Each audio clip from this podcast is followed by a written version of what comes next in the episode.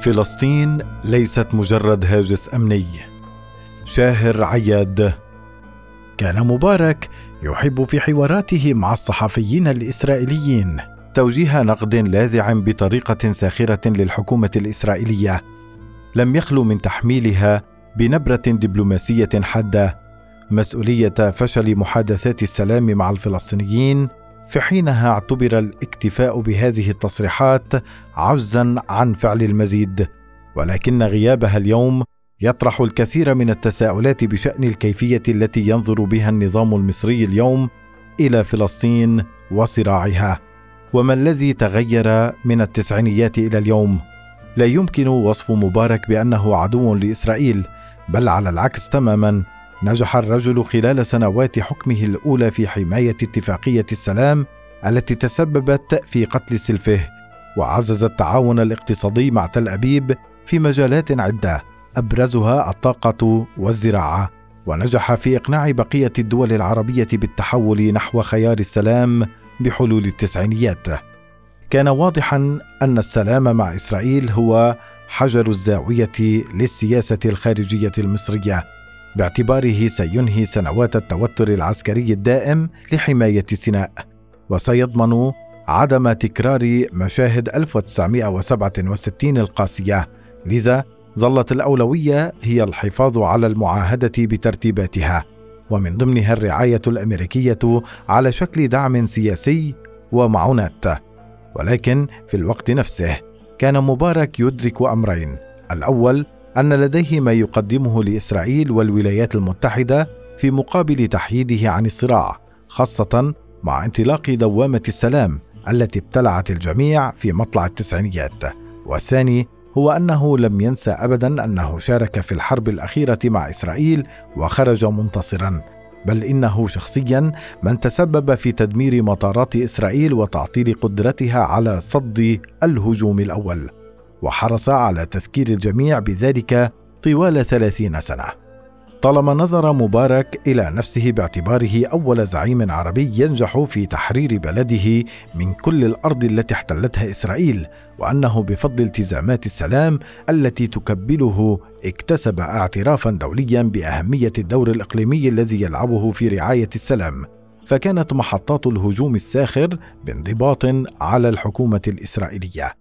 مثل حيلة دفاعية للتغطية على عجزه عن مواجهة عربدتها الإقليمية في فلسطين المحتلة ولبنان. الربيع العربي والخريف اليمني. بدأ التحول الأول نحو تواري السردية السياسية المصرية تجاه فلسطين وبداية أمننت الخطاب. مع سيطرة حركة حماس على قطاع غزة بالقوة في عام 2007 ودخول لواء عمر سليمان مدير جهاز المخابرات العامة آنذاك على خط جولات المصالحة الفلسطينية باعتبارها شانا حدوديا مصريا.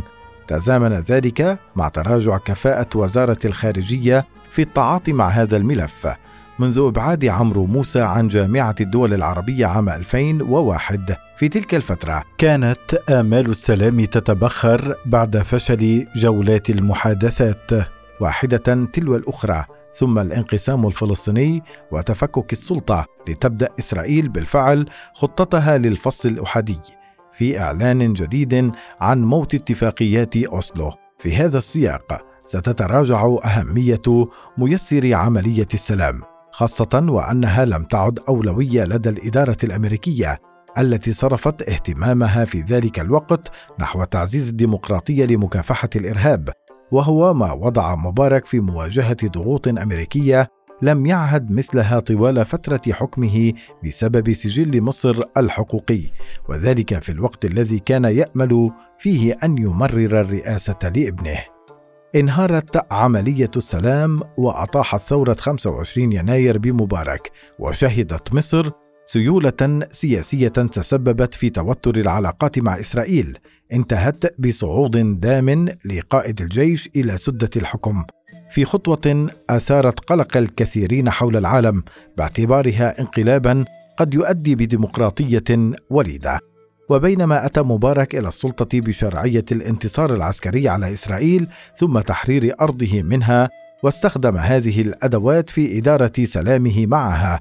فإن السيسي وجد نفسه في مستهل حكمه بحاجة إلى الدعم الدبلوماسي الذي تقدمه إسرائيل في الدوائر الغربية من أجل دعم الوضع السياسي الجديد في مصر حتى لا يصنف في خانة الانقلابات العسكرية وفق ما جاء في مقال نشره عام 2016 معهد واشنطن لسياسة الشرق الأدنى الذي أسسته لجنة العلاقات الأمريكية الإسرائيلية إيباك.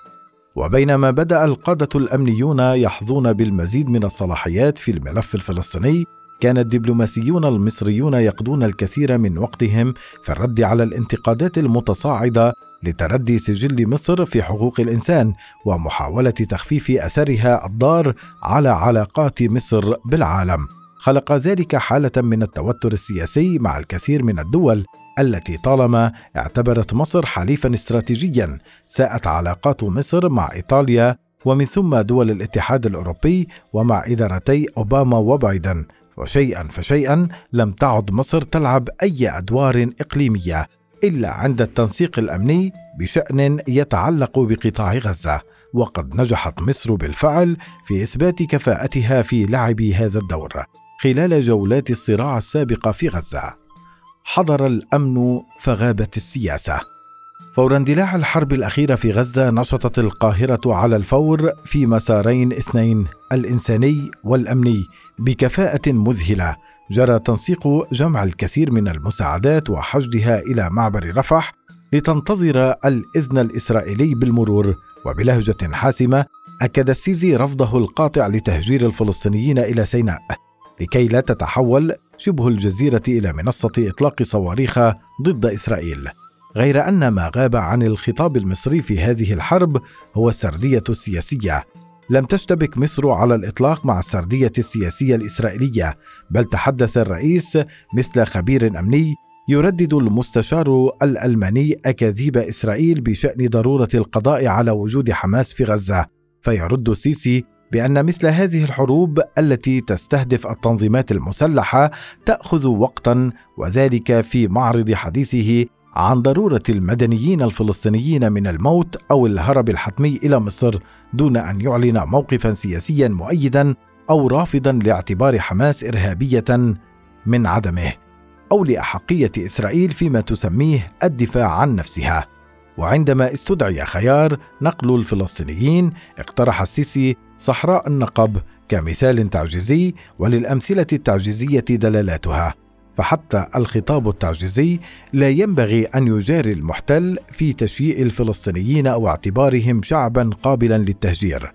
المنطق الأمني منزوع السياسة سيقترح نقل الفلسطينيين إلى النقب أما المنطق السياسي فسيعارض التهجير مبدئيا. منذ بداية الأزمة تتحدث البيانات الرسمية المصرية عن حق إنشاء الدولة الفلسطينية المستقلة وعاصمتها القدس الشرقية ولكن الرئيس أكد مرتين أنها ستكون دولة منزوعة السلاح وهو ما لم يعلن الفلسطينيون يوما موافقتهم عليه رسميا وإن كان متسقا مع ما جاء في مقترح صفقة القرن التي أطلقها ترامب قبل خمس سنوات وأيدها السيسي. بشكل ما فإن تصورات السلطة المصرية عن الدولة الفلسطينية باعتبارها سلطة إدارة منزوعة السلاح. أكثر منها كيانا يمثل الفلسطينيين ويعبر عن آمالهم وطموحاتهم. تتشابه بدرجة ملحوظة مع طريقة الحكم والإدارة في مصر حيث جرى شيئا فشيئا تهميش المواطنين وتحويلهم إلى مجموعة من السكان الذين من الممكن تهجيرهم أو نزع ملكياتهم أو تغيير ملامح مدنهم وأحيائهم دون أن يؤخذ رأيهم حتى ويتجلى هذا كله في خطاب رسمي يتنصل علنا من السياسة. لا يعتبر هذا النظام نفسه ممثلا للمصريين ولا معبرا عن طموحاتهم بل كسلطة أمنية إدارية تتخذ القرارات منفردة لأنها تعرف المصلحة العامة التي تحددها عادة الأولويات الأمنية وتسهل إدارة الحياة اليومية للسكان الذين لا يمثلون ابدا في هذه القرارات. في ضوء ذلك يمكن فهم التصور الرسمي المصري بشأن القضية الفلسطينية والذي تحتل فيه الرغبة الأمنية في حماية سيناء من تدفق الفلسطينيين موقعا مركزيا وبينما يروج الامني لحل يضمن للفلسطينيين نصف دولة على الأرض. يدرك السياسي أن هذا الحل مستحيل. وأنه لا يؤسس صيغة تعايش اجتماعي مستدامة وقابلة للاستمرار سواء في فلسطين المحتلة أو في مصر نفسها.